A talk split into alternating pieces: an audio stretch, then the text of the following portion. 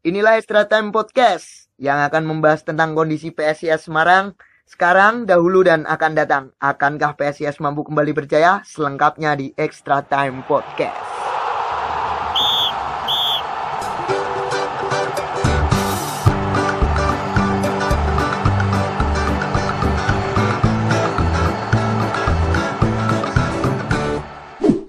Kali ini saya bersama teman saya masih sama Mas Bani sama Mas Kamal yang di edisi pertama, Mas Bani di edisi kedua. Eh, mari perkenalkan dulu, eh, tanya-tanya kabar lah.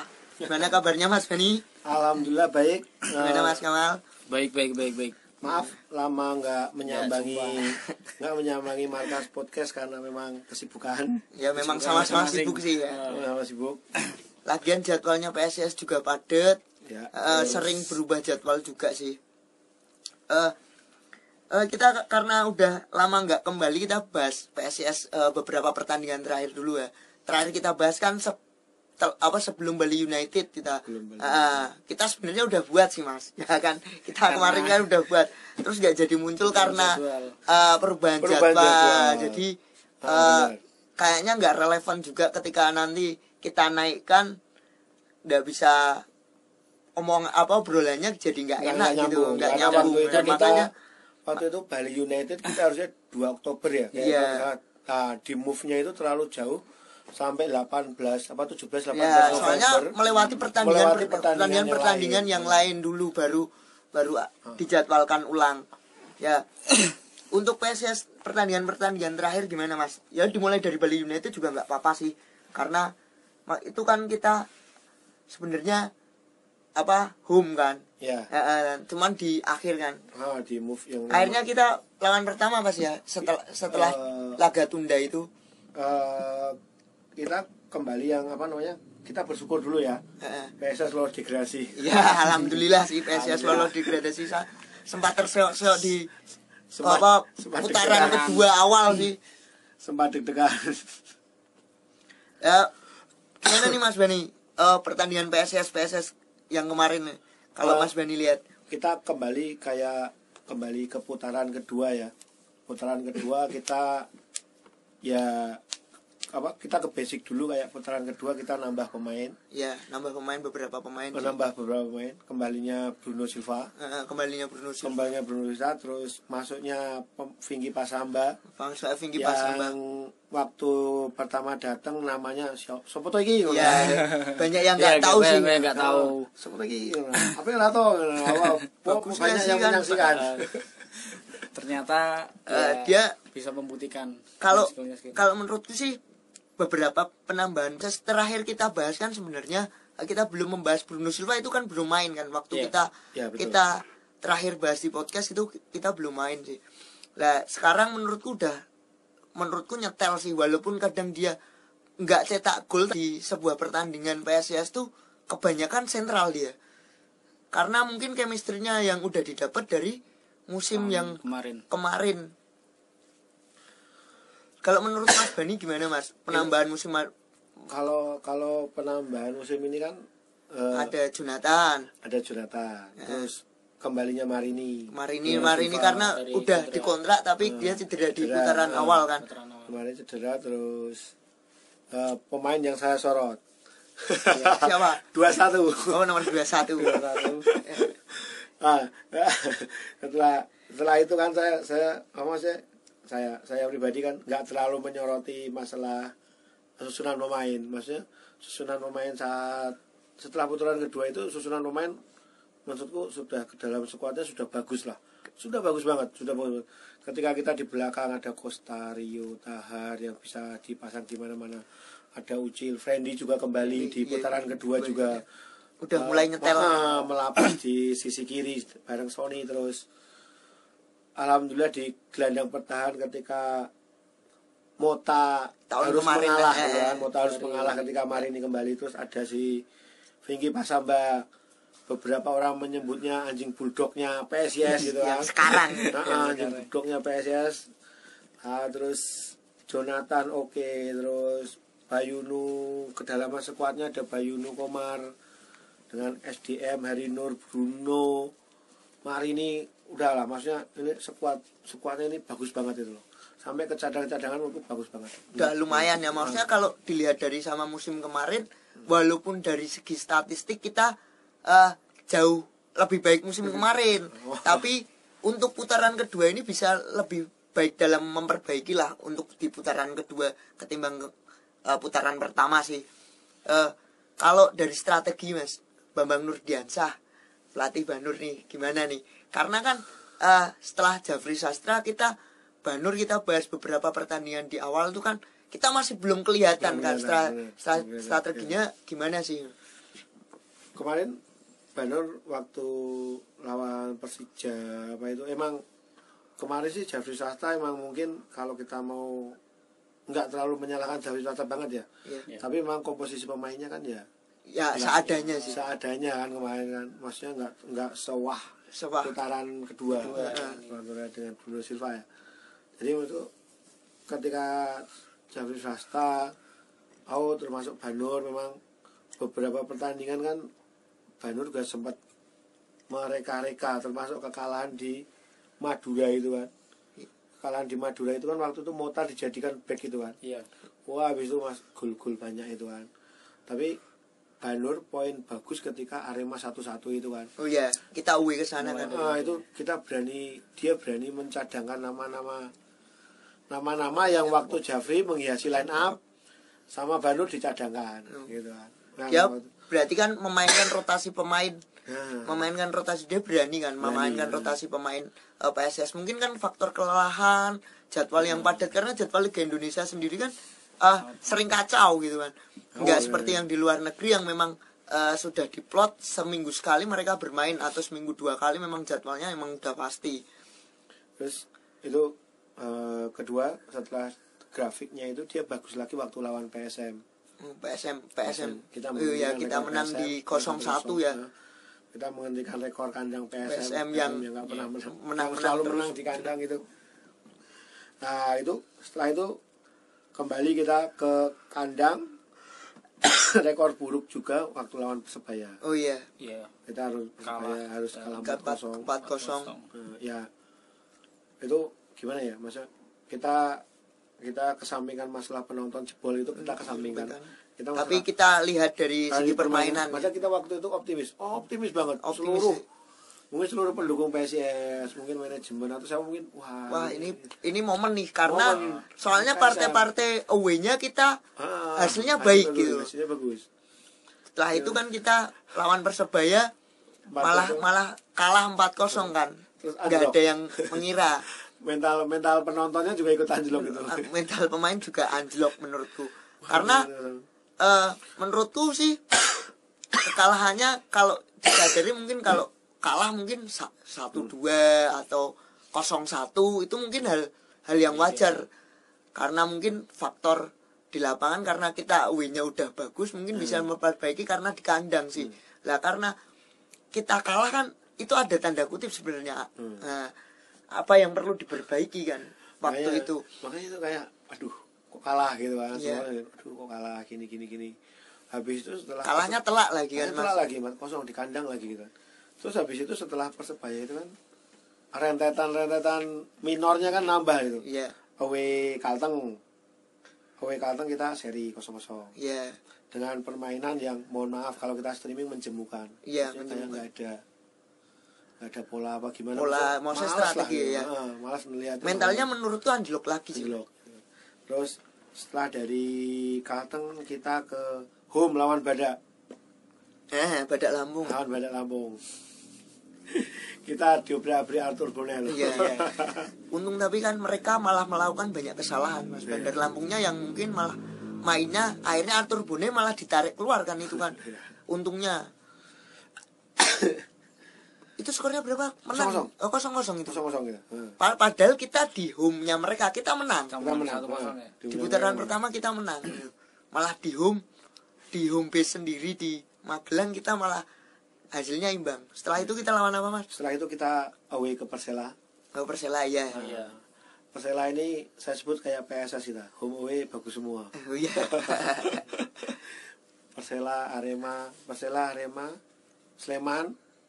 ya Itu- itu prestasi kita bagus semua kita bagus itu Bagus di semua. home dan away home dan away kita bagus walaupun Persela menurutku golnya tuh walaupun di menit-menit terakhir Terakhir. krusial dan itu faktor lucknya tinggi sih. Semua. tapi menurutku tapi daya juang mereka di partai away mereka bagus gitu loh. Itu- mentalnya udah mulai Oh, kembali iya. sih. Dan waktu itu si Banur sempat memainkan si debut debut apa debut apa enggak saya lupa itu. Andrea Sadu itu kan. oh Andrea Sadu. Oh, iya, iya. Heeh. Andrea Sadu yang itu katanya kan dari junior sebenarnya. Iya si Andreas Ado itu. Nomor berapa? Tujuh tujuh? Tujuh tujuh. Iya kan?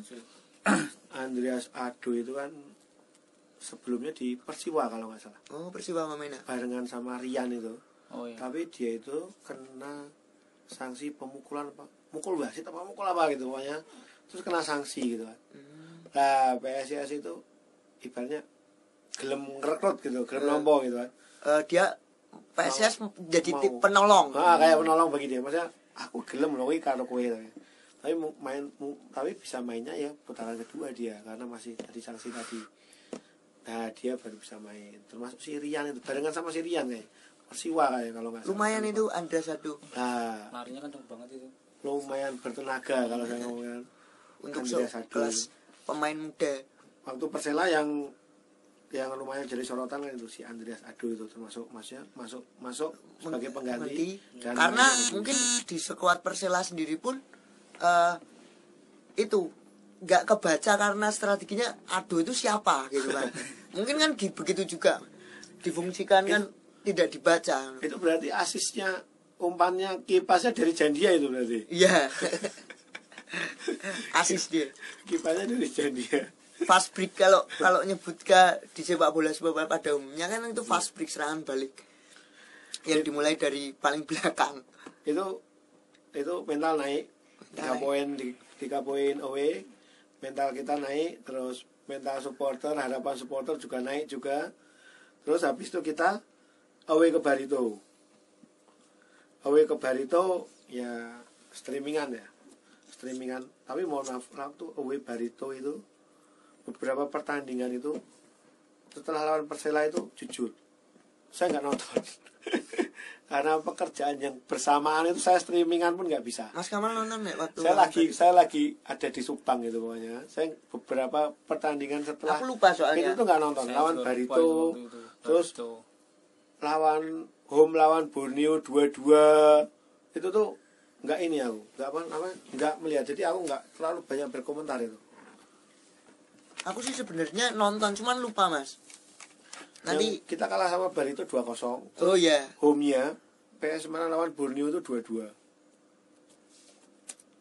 dua-dua itu dua-dua itu kita ketinggalan kalau nggak salah. Oh ya ketinggalan? Keting eh ketinggalan ketinggalan dulu ya mas. Ketinggalan dulu kayaknya. Coba sambil si searching mas. Eh untuk ini kan mas setelah pertandingan pertandingan itu kan sebenarnya eh setelah dari pertengahan musim kan kita kedatangan direktur teknik yang baru oh ya ya kan Dragan kan Dragan Dari Betul. Borneo. dari Borneo Nah, itu kan menurutku itu eh, perannya sangat penting loh karena sebelum sebelumnya Dirtek P- PSIS pun di eh, dipimpin oleh orang lokal sendiri kan. Hmm. Nah, tugasnya direktur teknik kan sebenarnya untuk eh, memperbaiki teknik dan strategi dari permainan PSIS Semarang sendiri. Ya, ya. Eh, dimulai dari eh, personal eh, pemain-pemainnya, terus eh, strateginya mulai ditempatkan lumbung gol PSIS kan secara nggak langsung ini juga meningkatkan. Kita eh, dari eh, minus eh, gol berapa ini sekarang jadi minus gol cuman tiga karena dulu kemarin-kemarin sih Iya. diputarkan kita sempat tersok kan itu turunnya bawah jauh sekali dari kata bagus. Apalagi kalau dibandingkan dengan statistik musim kemarin gitu. ini depan benar-benar Eh, eh, tumpul. lini depan. Eh, nggak ada lumbung gol yang musim kemarin Bruno Silva sama Herinul menjadi sorotan malahan untuk ya ya ya termasuk termasuk tandem apa? Tandem tandem yang cetak golnya banyak. banyak di Liga Indonesia masa jadi sorotan di tim-tim lain gitu. Ya di musim ini kan mulai kembalinya setelah Dragan masuk itu kan lumayan loh. Menurut Mas Benny sendiri pengaruhnya Dragan komentarnya seperti apa Mas? Eh, kalau kalau mungkin mungkin apa mungkin mungkin Banur tetap tetap mungkin masih wewenang penuh gitu ya si Banur ya tapi waktu itu Dragan datang itu aku sempat ngobrol itu kan sempat ngobrol sama bos L itu Mas Lilu itu kan Dragan Oh, datang, manajernya PSIS ya? Dragan mau datang aku bilang gini kan oh aku tapi ngomong cuman cuman lihat-lihat toh. Masih mungkin dia lihat-lihat ya lihat lah mungkin dipersiapkan untuk head coach musim depan. Nah pikir saya juga gitu kan. Tapi ternyata dia karena Banur sendiri kan Banur sendiri dia sebagai pelatih pengganti. Pelatih mengganti eh, posisinya kayak Freddy Ljungberg di Arsenal ketika Emery keluar gitu Ya, kan. betul. Lah ini kan Dragan ternyata diplot untuk musim Nah, depan maksudnya, tapi jadi ini kan jadi direktur teknik ini- kan. Tapi dia banyak di itu oh. sekarang kalau kita lihat kan dia banyak di bench juga kan? Iya. Dia dia banyak- berarti kan pengaruhnya untuk meningkatkan eh, strategi PSIS Hmm. secara permainan udah bagus sekali. Makanya kemarin waktu terakhir lawan saya kan lama lama nggak lama nggak ke stadion gitu kan di luar kota. Lama nggak stadion tuh kemarin waktu dapat line up itu kan nggak ada Widiantoro oh lihat line terakhir itu. Nggak ada Widiantoro. Ada si Dra- ada Dragan itu kan ada Dragan itu. Aku aku nggak tahu loh masalah itu juga. Sampai mana aku juga kan waktu loh nggak ada Widiantoro gitu kan di di benchnya itu loh Benchnya nggak ada terlalu memperhatikan sih cuman aku ya memperhatikannya permainan PSIS Kalau Kamal ya diperhatikan wasit dan asistennya. Kenal enggak gitu kalau Kamal. biasanya soalnya kadang wasitnya tanda kutip Itulah. Wasit itu sama Kamal gitu kan. Enak atau gitu kan. Soalnya Atau nanti wasitnya pernah kayak kayak kayak waktu di Bandung nanti wasitnya pusing dia. Dragan kalau eh, untuk head coach musim depan eh, menurutmu gimana mas? Eh, Kan berarti kan posisinya naik direktur teknik kan kosong. kosong. Apakah malah Banur yang akan malah menjadi direktur teknik atau seperti apa kan kita nggak tahu juga kan. Tapi tapi Dragan mungkin tetap naik karena apa namanya? Mu- kalau manajemen kalau aku lihat gitu loh mereka itu kadang-kadang mungkin sebenarnya suka dengan pelatih yang asing gitu kan. Oh iya. oh ya, kenapa? Karena mungkin rata-rata mereka itu nggak tergoda dengan nama besar gitu kan. Nggak tergoda nama besar dan kadang-kadang mereka itu lebih lebih lebih memilih. Kau bisa bekerja gak sih? Maksudnya lebih memilih yang mungkin lebih fair gitu kan. Nggak tergantung nama besar gitu kan. Sekarang kita lihat si Gomez Gomez waktu di Persib Abah Gomez panggilnya. Abah Gomez waktu di Oh, Persib iya. dia menaikkan nama-nama baru kayak Adi Idrus. Banyak banget dia menaikkan nama-nama baru. Maksudnya dia tidak pilih-pilih pemain tidak pilih-pilih main tapi nama kualitas ketika mereka berlatih, ketika Oh. mereka menjalankan strategi yang dijalankan nama itu yang diinginkan itu ya, masuk akhirnya seleksinya lewat seperti itu bukan karena oh ini Oh, ini atas nama besar gitu Nama enggak. besar itu enggak. Terus ketika si Gomez pindah ke Borneo lihat aja waktu di daftar susunan pemain Borneo itu. Itu namanya itu nggak terkenal kenal apa siapa? Sihran Ya. Sihran terus aku juga. Suruhan. Banyak banget nama-nama baru gitu kan. Tapi kan prestasi Borneo bagus kan. Sekarang Lumbunggul itu sampai plus. Dia malah plus kan walaupun Iya, Borneo posisinya aja sekarang di Naik. klasemen sekarang aja tiga besar kan Iya, masih tiga besar. dengan nama-nama walaupun ter, walaupun terpaut dengan poin kita tuh cuma tiga poin gitu loh target musim ini kita delapan besar, besar. bisa ya mas Insya ya Allah mas bisa. insya Insya Allah bisa. bisa. karena kita masih punya dua home yang Wow. Eh, udah lolos degradasi pasti karena Kalteng Badak Lampung dan Semen Padang sudah pasti tidak bisa mengejar ketertinggalan poin kan yang terakhir Persija menang 4-0 kan karena Ah. Persija menang 4-0 akhirnya tiga tim ini memang pasti sudah dinyatakan tidak bisa lagi di Liga 1 karena target musim ini sudah tercapai kita lolos di Liga 1 Eh, mungkin podcast kali ini cukup. Saya dan teman-teman pamit undur diri Eh, sampai jumpa lagi di podcast selanjutnya membahas rapor akhir musim dari lini per lini PSIS Semarang. See you di Extra Time Podcast